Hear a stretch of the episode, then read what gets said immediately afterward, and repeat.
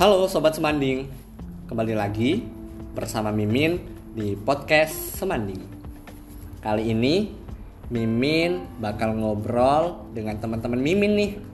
Nah kali ini Mimin bakal ngobrolin apa ya kira-kira? Hmm Teman-teman Ada yang tahu nggak nih? Kita bakal ngobrolin apa? Dan kali ini Mimin sama siapa aja sih? Penasaran nggak? Oke, kita langsung aja ya teman-teman. Mungkin kita bakal perkenalan terlebih dahulu nih sama teman-teman yang mimin saat ini. Oke, mau dimulai dari siapa ya? Um, cap, cip, cup, kembang, kuncup, pilih mana yang mau dicup. Oke, kita kenalan dari salah satu kakak perempuan yang ada di OSIS Manding. Oke, kepada Kak Sandy dipersilahkan tolong sebutkan nama lengkap, nama panggilan, dan asal kelas ya Kak. Halo Sobat Semanding, perkenalkan nama saya Senggit Nasyafani, biasa dipanggil Intan, saya dari kelas 12 MIPA 5. Ah, Kak Sengi teman-teman namanya. Oh iya Kak Sengi. Lupa nih Kak. Untuk jabatan waktu di OSIS apa ya Kak? Waktu di OSIS, aku menjabat sebagai Wakil Ketua 1. Wah, kalau tadi wakil ketua satu, kita bakal beralih nih teman-teman ke wakil ketua OSIS yang kedua. Ayo Kak Joel, silahkan untuk memperkenalkan dirinya. Halo teman-teman, perkenalkan nama saya Joel Nathan Simanjuntak Biasa dipanggil Joel Saya dari kelas 12 IPS 1 Nah, kalau tadi sudah wakil satu dan wakil dua, kali ini kita beralih ke wakil yang ketiga. Silahkan Kak. Halo Sobat Semanding, perkenalkan nama gue Dezan di Pramudita Nama panggilan gue Dezan, gue dari kelas 12 MIPA 4 Nah, itu tadi tuh sudah semua wakil ya teman-teman. Sekarang kita bakal lanjut nih ke sekretaris. Nah, kepada kakak sekretaris dipersilahkan. Halo Sobat Semanding, perkenalkan nama saya Niken Insani Angelita, bisa dipanggil Niken. Saya di sini sebagai sekretaris satu. Oke, kita lanjut ya teman-teman. Kita bakal beralih ke bendahara. Kepada bendahara satu dipersilahkan. Halo teman-teman, nama nama saya Ain atau Atahia Taufik. Di sini saya sebagai bendahara satu. Saya di sini di kelas 12 IPS 3. Oke, sekarang kita bakal lanjut ke kakak bendahara 2. Silahkan kak. Halo teman-teman, kenalin nama aku Monica Sandra Krisetia Tiwi Biasa dipanggil Monica dan dari kelas 12 MIPA 1 Dulu waktu di OSIS aku menjabat sebagai bendahara 3 Nemenin Ain Nah, yang terakhir nih teman-teman, kita bakal ada perwakilan dari koordinator yakni Kak Hafiza. Kepada Kak Fiza, disilahkan Kak. Halo teman-teman, sebelumnya izin memperkenalkan diri nama saya Muhammad Hauza Amris, biasa dipanggil Hafiza atau Fiza. Saya di sini menjabat sebagai salah satu koordinator dari Sekbid yang ada di OSIS. Nah, saya bareng nih sama si Ain nih dari kelas 12 IPS 3. Terima Nah. kasih. Nah, itu tadi semua rekan-rekan Mimin yang kali ini bakal nemenin sobat semanding semua dalam podcast kali ini. Nah, ngomong-ngomong, tadi Kak Monica, bendahara kedua, sudah menyebutkan bahwasannya dulu beliau adalah bendahara waktu menjabat. Nah, kenapa kok ada kata-kata dulu? Ya teman-teman, jadi dibuatnya podcast kali ini kita memang sudah lengser. Kita sudah pergantian periode dan kita pun sudah purna bakti.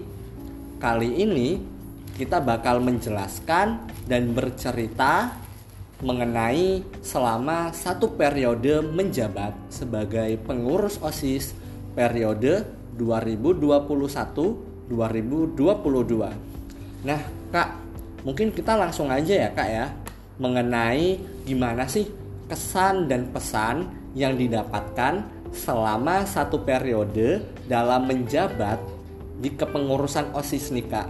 Nah, mungkin kita berawal dari wakil ketua OSIS yang ke satu terlebih dahulu. Kepada Kak Sandy, dipersilahkan. Oke, terima kasih Mimin. Jadi yang pertama untuk kesannya menjadi bagian dari OSIS SMA Negeri 1 Gadingrejo atau yang dikenal sebagai OSIS Semanding merupakan suatu kebanggaan untuk diri saya sendiri karena di dalam OSIS saya banyak belajar. Yang pertama pastinya belajar tentang berorganisasi dan belajar tentang kebersamaan dan kekeluargaan dan bagaimana caranya menentukan dan menyelesaikan masalah.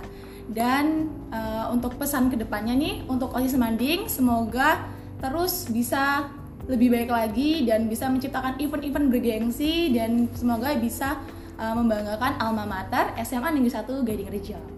Nah, itulah tadi pesan. Oh iya kak, pesannya belum nih kak. Ayo kak, ada nggak nih pesannya? Ya, terima kasih Mimin. Jadi pesannya untuk OSIS SMA Negeri 1 Gadingrejo yang sekarang ini dan seterusnya, semangat terus dan untuk siswa-siswi SMA Negeri 1 Gadingrejo yang belum bergabung di OSIS Semanding, jangan tunggu kesempatan kedua ataupun seterusnya karena uh, join di OSIS Semanding itu adalah hal seru dan hal menarik. Jadi buat teman-teman semua yang belum join, silakan untuk bergabung di OSIS Semanding. Oke. Mimin tunggu ya teman-teman yang belum join. Nah, kali ini kita bakal beralih ke pembahasan selanjutnya, yakni fokus masalah dan fokus solusi. Maksudnya gimana sih, Min? Maksudnya itu seperti ini. Kan dalam berorganisasi biasanya kita menemukan sebuah masalah.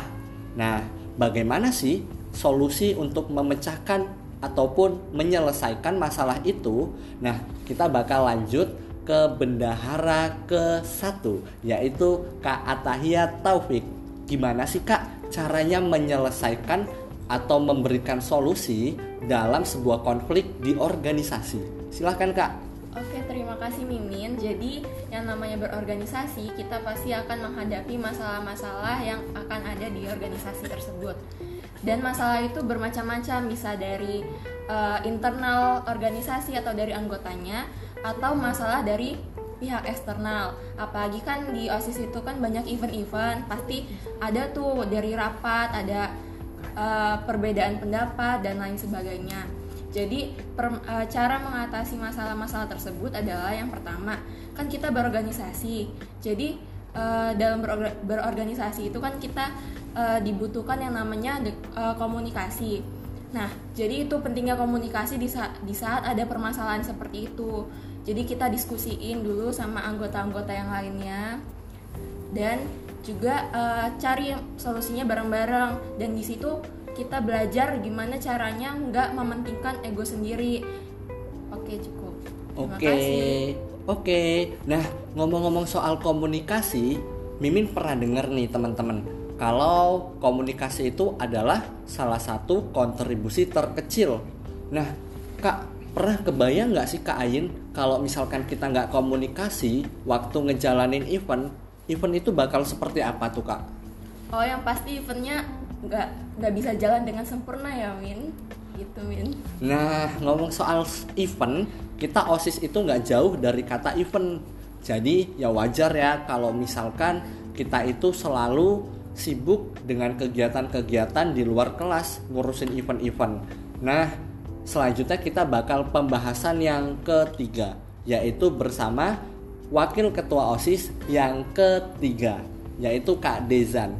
Nah, Kak Dezan sendiri pengen tahu nih Kak Mimin, sebenarnya awal mula alasan Kakak untuk ikut organisasi OSIS ini apa sih Kak? ada faktor yang sangat dalam yang mempengaruhi kakak dalam mengikuti kegiatan ini? Atau hanya ya pengen ikutan aja?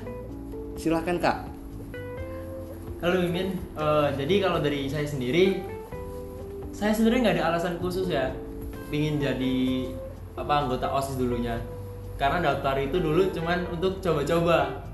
Nggak ada kayak pingin uh, punya jabatan lah atau apalah. Tapi uh, semakin lamanya di osis uh, ada apa ya tahu sejarah sejarahnya historinya kok ada eh, saudara yang eh, menjabat juga pernah pernah menjabat juga. Dan itu jadi motivasi bagi saya. Ingin melebihi tetapi ya akhirnya sama aja tidak bisa terlewatkan. Jadi ya gini lah milah jadinya jadi wakil juga. Nah, berarti teman-teman Kak Dezan ini awal mulanya coba-coba. Tapi lama-lama semakin tertarik nih dalam dunia berorganisasi. Namun yang terpenting bukan soal jabatan ya Kak Dezan ya. Bener ya Kak? bener banget min. Nah, berarti yang dapat disimpulkan bahwa kontribusi adalah hal yang paling penting. Nah, oke kita bakal lanjut kepada sekretaris kita nih, yaitu Kak Niken. Kak Niken, gimana sih rasanya menjadi seorang sekretaris yang super duper sibuk dalam hal arsip, mencatat, ngetik-ngetik di komputer, dan lain sebagainya? Apa yang kakak rasakan? Suka maupun duka selama satu periode menjadi seorang sekretaris. Ayo kak silahkan. Oke, izin jawab ya.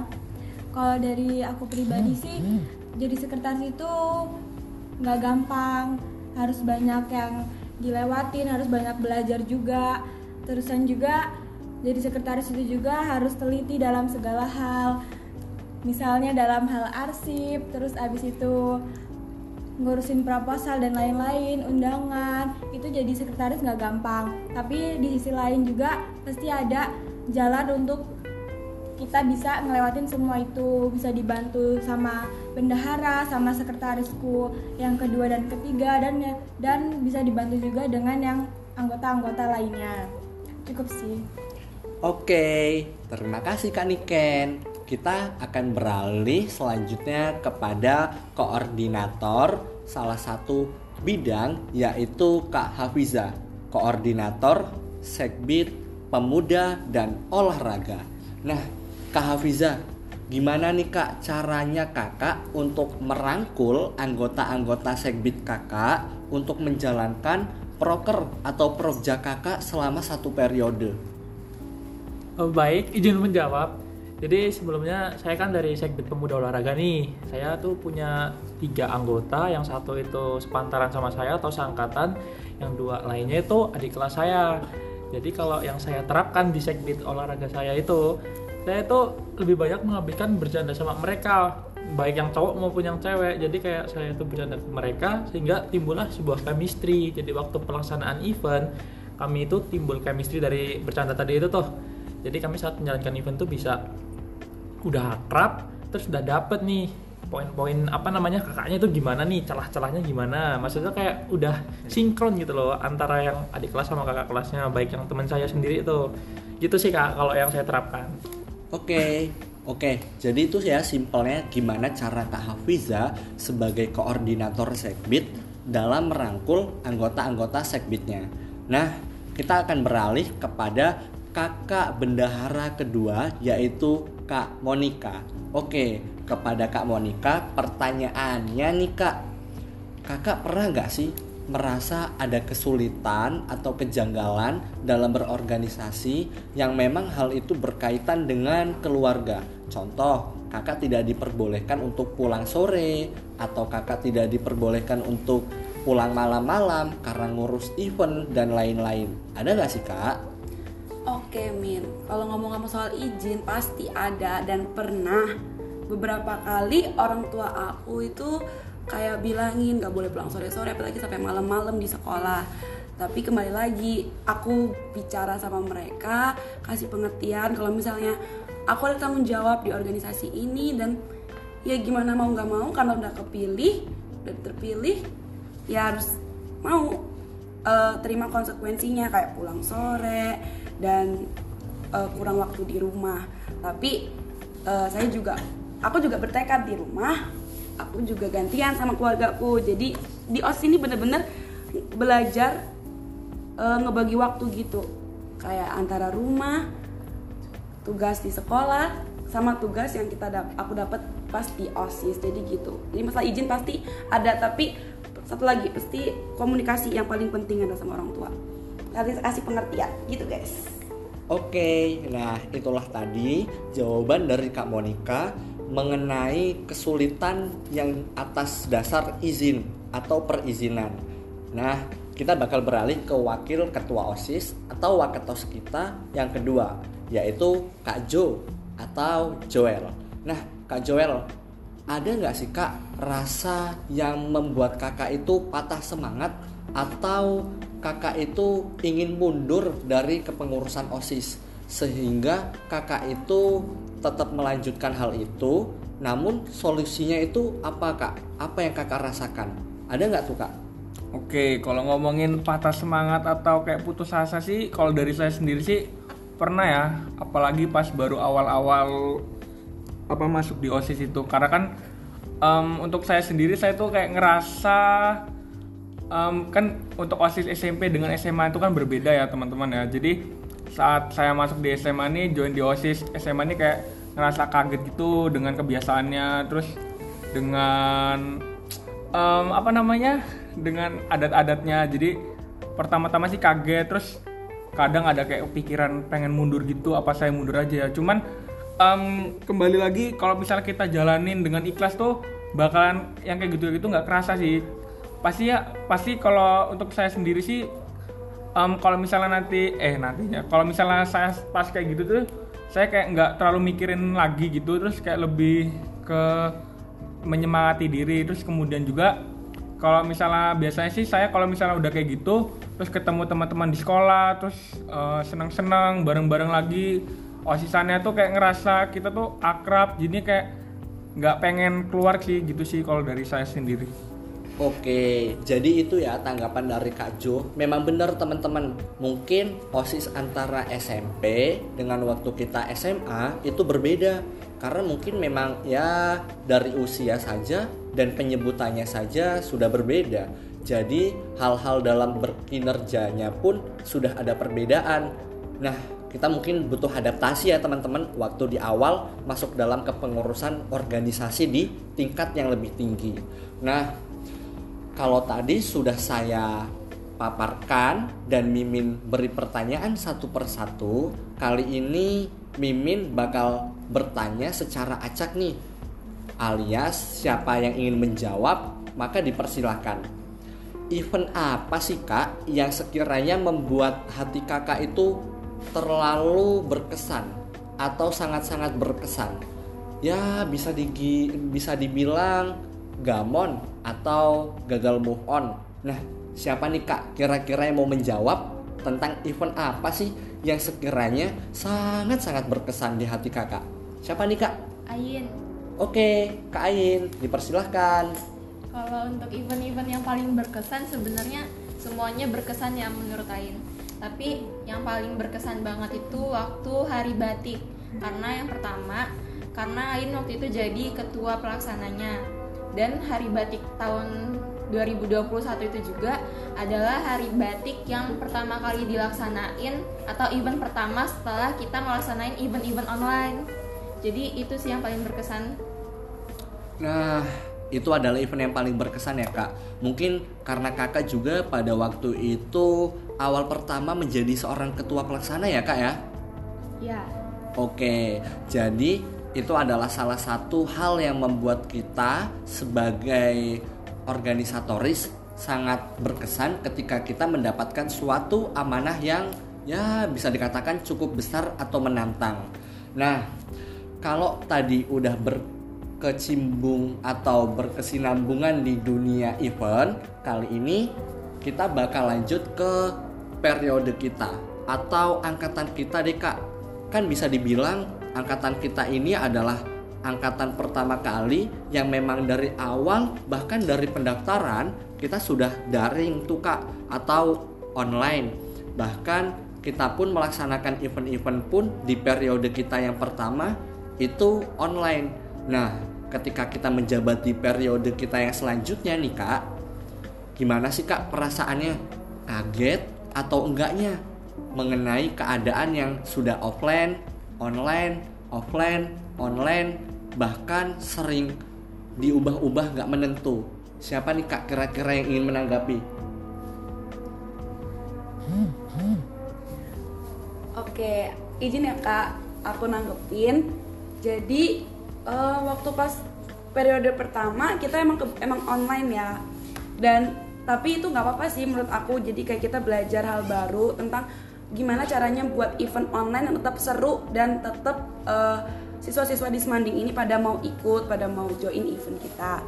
Terus setelah berganti periode, akhirnya di periode kita off mulai offline tuh. Dan pastinya ada tetap ada kaget karena dari awal kita ngelaksanainnya online kan. Cuma ya karena kita belajar terus kita juga eh, tanya sama angkatan yang kakak-kakak kita di atas minta bimbingan juga. Jadi eh, cukup terbantu dan kita bisa kompak untuk ngelaksanain event offline kita. Walaupun kadang masih adalah kurang-kurang dikit tapi lama-lama kita perbaikin perbaikin lagi semakin perbaiki semakin baik lagi. Dan ya semoga ke depannya bakal terus lebih baik lagi. Gitu kak. Oke, jadi mungkin kalau Mimin tangkep keadaan dari online menuju offline itu membuat eh, sedikit shock kultur ya kak ya? Iya pasti ada sih kak kayak gitu Oke, jadi bisa dikatakan bahwa teman-teman OSIS ini shock kultur yang di mana tidak pernah sekolah secara langsung atau tatap muka, bahkan banyak kegiatan yang dilaksanakan secara online, lalu tiba-tiba sudah mendekati ganti periode dan harus melaksanakan banyak hal secara offline. Nah, kalau tadi sudah berlangsung pembicaraan dengan Kak Monik mengenai shock culture antara offline dengan online, kita mungkin bakal beralih ke pembicaraan mengenai gimana atau bagaimana cara kita mendedikasikan kepada sekolah jasa-jasa kita supaya rasa ikhlas itu tetap ada. Jadi kita sebagai OSIS kita kan berbakti dan mengabdi kepada sekolah dengan sepenuh hati dan itu pun tidak perlu dibayar. Jadi kita harus tetap ikhlas. Nah, cuman kadang kan kalau mimin-mimin ini pernah mendengar tuh keluh kesah dan lain-lain.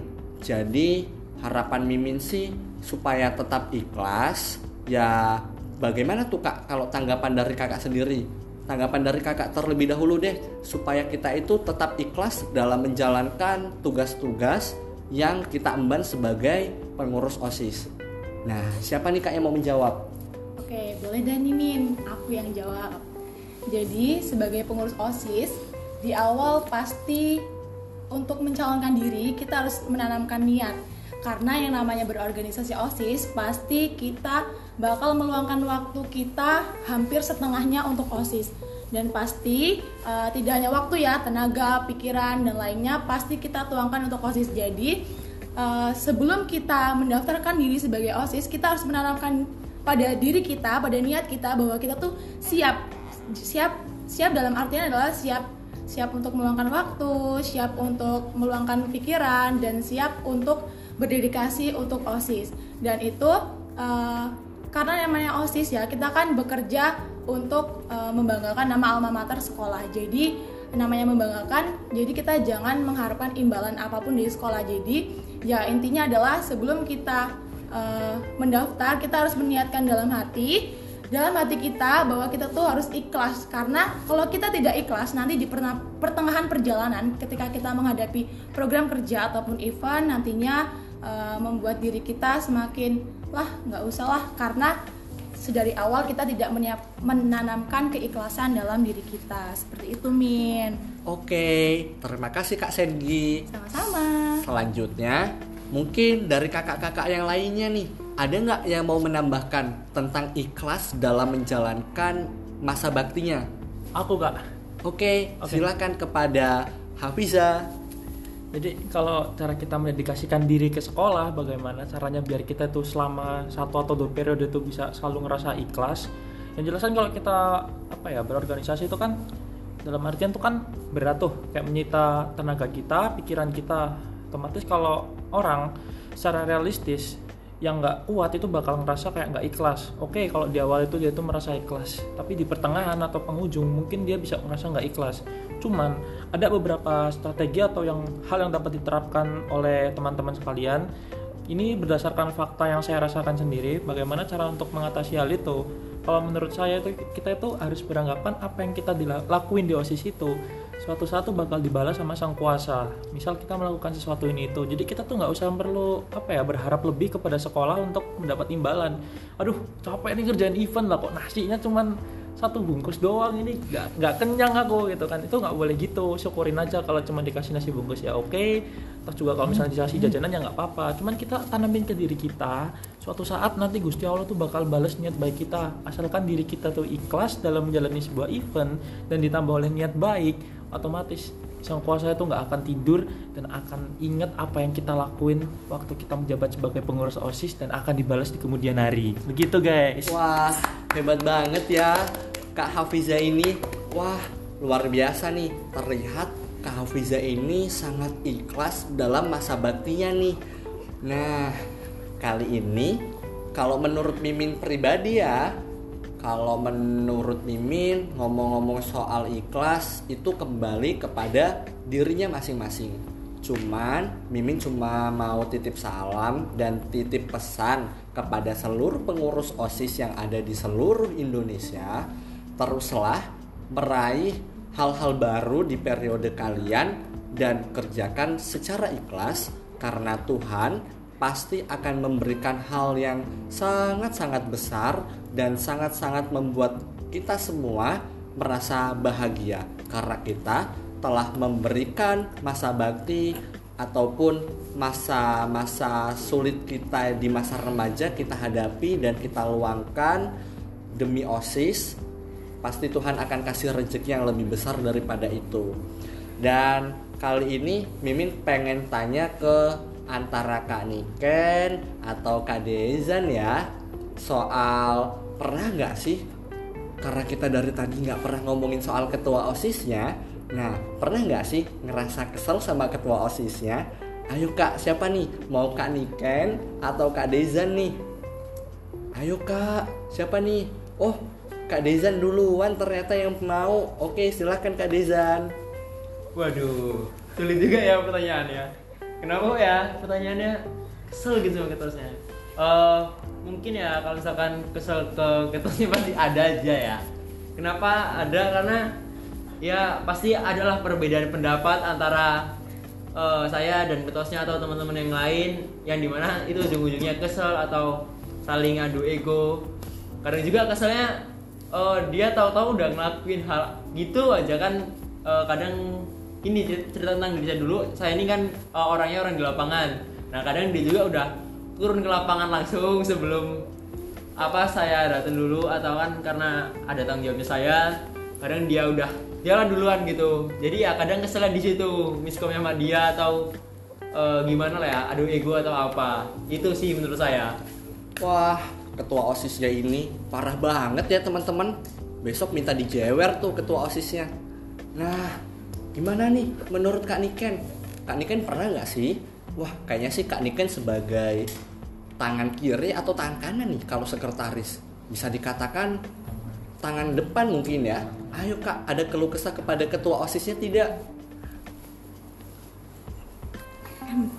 kalau dari kalau dari aku sendiri sih pernah ya kesel sama ketua osisnya karena mungkin aku sama ketua osis ini. Nih udah kenal lama. Terusan pas di SMA ini kayak tambah kenal gitu karena masuk osis bareng masuk organisasi lagi bareng. Mungkin keselnya itu karena waktu aku misalnya buat lagi buat proposal atau buat undangan yang lain-lain dia ini kayak sok tahu gitu loh guys jadinya ya maklum aja gitu. Sebagai ketua osis ya dia juga bisa ngebimbing aku juga kalau misalnya aku salah atau aku juga mungkin ada kurangnya gitu. Jadinya ya maklum aja sih kalau kayak gitu. Udah sih udah dari aku itu aja.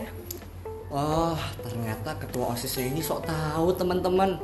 Tapi ya kalau mau dipikir manusia itu tidak ada yang sepenuhnya benar dan memang selalu ada kurangnya ya teman-teman. Wah, kepada ketua OSISnya minta maaf sana sama teman-temannya. Oke, kali ini karena berdasarkan jadwal kita sudah hampir selesai. Jadi mungkin dari Mimin cuma ingin mengatakan tetap semangat dan selalu berproses karena setiap langkah kecil kita akan menjadi sebuah langkah yang sangat besar. Mungkin itu aja ya kak, atau ada tambahan nih kak? Cukup kak, cukup. Oke, mungkin si- di sini dan sampai situ atau inilah pembahasan kita kali ini dan Mimin cukupkan ya. Sampai jumpa.